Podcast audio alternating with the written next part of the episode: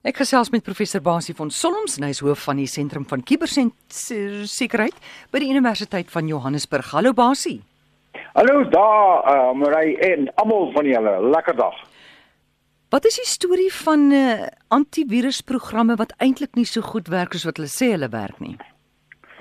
Interessante verslag daai hoor. Uh een of ander maatskappy het 250 van die top uh en dis spesifiek vir Android, né? Vir die ja. Android uh bedryfstelsel. Antivirus uh toepassings getoets. En hulle het hulle op 'n Samsung foon gelaai en toe en toe hierdie 250 uh antivirusprogramme gekonfronteer mm. met 2000 van die mees bekendste Android kwadwillige virusse, slegte programme en alles. Net 23 van daai 250 ja. het 100% sukses gehad. Die res is laer af en laer af. Party van hulle kon glad nie eens van die goed van die 250 uh of van die 2000 herken nie. So, die boodskap is moenie sommer net eenvoudig dink omdat jy 'n antivirusprogram aflaai wat jy gratis kry of wat ook al dat hy jou gaan beskerm nie. Jou Android is in beginsel redelik veilig hang af waar jy hierdie uh, hierdie toepassing van aflaai. As jy van die Google Store aflaai, gaan jy oor die algemeen redelik seker wees hoewel daar's rotte wat ons weet daarin gekruip het. Maar wees baie versigtig vir hierdie spesiale aanbod van hierdie maatskappy wat jy nog nooit van gehoor het nie. Hulle wil net geld maak. Dis 'n geldmaker, geen twyfel daaraan nie.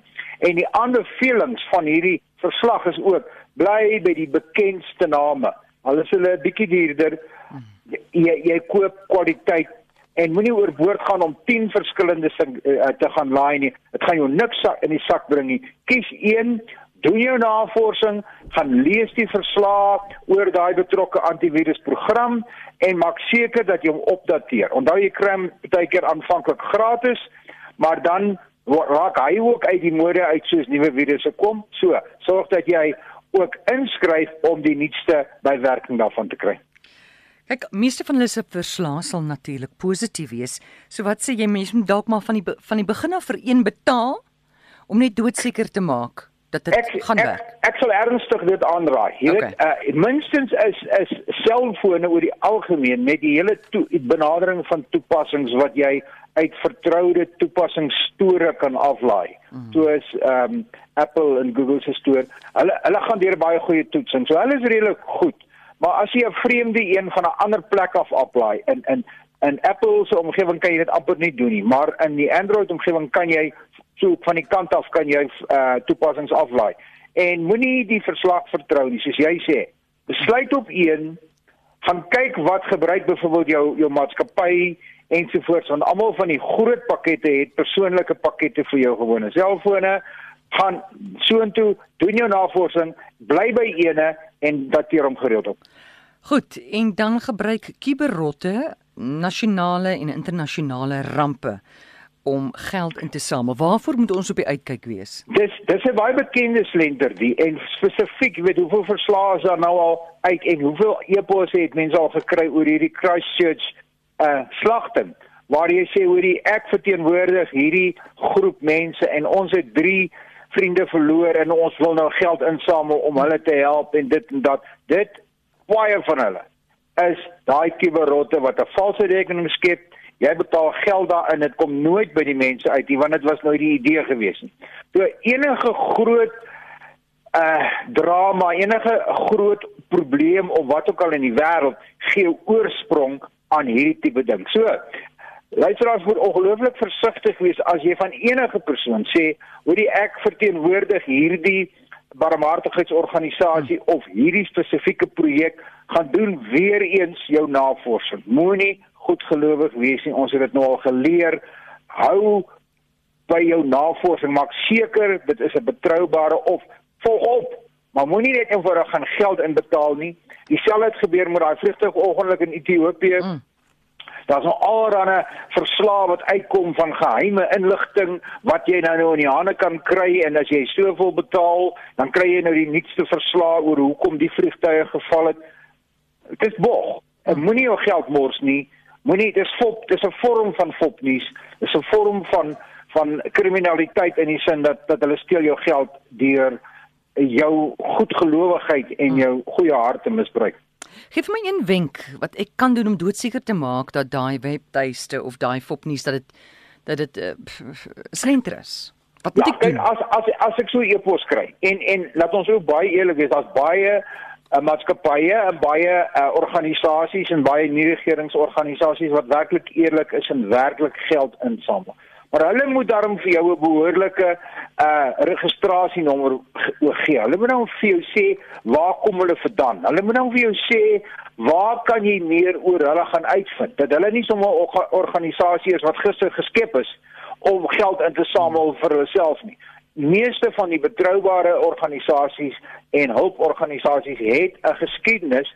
Hulle het 'n webwerf, jy kan dit gaan navors en as jy nie seker is nie, gaan terug sê vir ek wil meer inligting hê oor hierdie ding. Ek ek is geneig daarna om julle te help, maar ek soek meer inligting. Toe weer eens, doen bietjie werk, doen bietjie navorsing, doen bietjie vind bietjie uit. En dan help jy want dit is hoe ons as Christene dit moet hanteer. Jy sê ook hierdie Eskom krisis van die afgelope week kan 'n mens dalk voorberei oor hoe 'n volgende sê maar groot kuberaanval dalk eendag kan lyk. Jy, ek het net my kop uitgesteek toe ek vir jou die opmerking gemaak het, maar maar ek het so gevoel, weet jy hoeveel mense en jy weet dit want jy jy jy weet elke dag daarmee in die luisteraars, hoeveel mense voel totaal half afgesny. Ek my wifi is af, my selfoon is af, my krag is af my uh, uh my my kommunikasie is af. My my my uh, ATM is af. Ek kan nie geld trek nie. En dit is tipies van 'n kuberaanval. Dit is 'n dis 'n voorsmaakie daarvan. In 2007 was daar 'n kuberaanval op Estonia geweest. Dis 'n land daar in Oos is oos Europa se kant. Weet jy, alles was af. Dit was was 'n buiteland, 'n ander land wat hulle aangeval het en daar's heel geskiedenis daaroor. Mense kan gaan lees oor Estonia se kuberaanval. Alles was af. Jou selfoonmaatskappye, jou selfoondiensverskaffers was van die lig af gewees. Jou uh, ATM's was van die lig af. Jou jou uh nuusmaatskappye, jou nuuswerwe, jou hele internetomgewing. Die mense het nie geld gehad nie, hulle kon nie geld kry nie. Die winkels, hulle kon nie met hulle kaarte betaal nie, want dit is van die lig af. Hulle het nie kontant gehad nie, want hulle kon nie kontant trek nie. Dit is die neiging gaan lees maar oor hoe gaan 'n oorlog in die toekoms plaasvind. Daar's geen rede meer vir 'n land en in die meeste gevalle is oorlog nie meer 'n land teen land nie, hoewel dit is ja. nog so. Maar die terroriste ook. Die gevoel is, hoekom moet ons die land gaan platskiet as ons die land se kerninfrastruktuur en ons energie Eskom is een van ons kerninformasie infrastrukture van hierdie land. En ons het 'n gevoel gekry. Ja. Wat kan gebeur as iemand ons op daai manier wil aanval in plaas van bomme gebruik of 'n terroris of wat ook al. Ehm um, ek dink mense moet besef en en alles waaroor ons praat het te doen met die kuberruimte want al hierdie goed loop deur die kuberruimte. En ek dink ons het so 'n smaakie gekry wat kan gebeur as dinge regtig wil verkeerd loop. En hoe berei mens voor vir so iets? Wel, wat kan ek en jy doen? Ek en jy kan maar net vertrou dat die staat die nodige voorsiening kan tref. Ons kan net vertrou dat dat die jou selfoonmaatskappy die behoorlike voorsiening voortref. Jy weet daar was nou 'n geval gewees waar hulle onderseese kabel uh internetkabel en een of ander manier het hy 'n visser ding vasgehaak en het gebreek. In die land was totaal afgesny gewees van die internet omdat daai kabel. So jy kan maar net vertrou, soos wat jy vertrou die kar wat jy koop te remme werk jy jy weet jy toets hulle en hulle werk maar op 'n stadium kan hulle ingee. Ons het 'n geval van van ehm um, veiligheidssakke, lugsakke wat ingegee het in sommige motors. So jou vraag is baie baie belangrik. Hoe hoe gaan ek weet? Ek en jy gaan nie weet. Ons gaan hoogstens vertrou dat die tegnologie maatskappye met wie ons werk werklik sover gaan om werklik ernstig te wees daaroor. Want hulle is die is die sagte punte waardeur hulle by ons kritiese infrastrukture van Suid-Afrika kan uitkom. En wat dink jy van ons ons ons selfoon diensverskaffers? Dink jy hulle sal kan opkom vir ons? Ek ek dink ons ons infrastruktuur is nie sleg nie. Maar jy weet, soos ek nou die dag vir 'n verslaggewer gesê het, die persoon wat vir jou sê ons stelsel is 100% veilig. Ons netwerkstelsel, ons ons uh, inligtingsekerheid, ons kubersekerheid, hy moet sy kop laat lees want daar is geen stelsel wat 100% veilig is. En laat ek dit nou vir jou sê, daai gesprek het gegaan oor die verkiesing wat kom. Ek en jy het ook al oor gepraat. Mm. As iemand doelbewus met die nodige geld, motivering, mannekrag, tyd alles het, kan hy enige rekenaar stel of krag, maak nie saak wie hy is nie. Ons het selfs gevalle nou al gehad van van nou het ons ook gepraat van vliegtuigprogrammatuur, vlieg, vliegbeheerstelsels. En gaan lees maar hoeveel verslae is daaroor van kwesbaarhede in daai programmatuur. So die ou wat dit wil doen, gaan dit doen. Maak nie saak wat ons doen nie. Ons kan hoogstens die beste van ons vermoë doen en as dit gebeur, gaan dit gebeur. Ja. Uh, dit dis 'n feit, dis 'n koei. Goed, Basie, ons maak volgende week klaar met ons reeks programme ek en jy.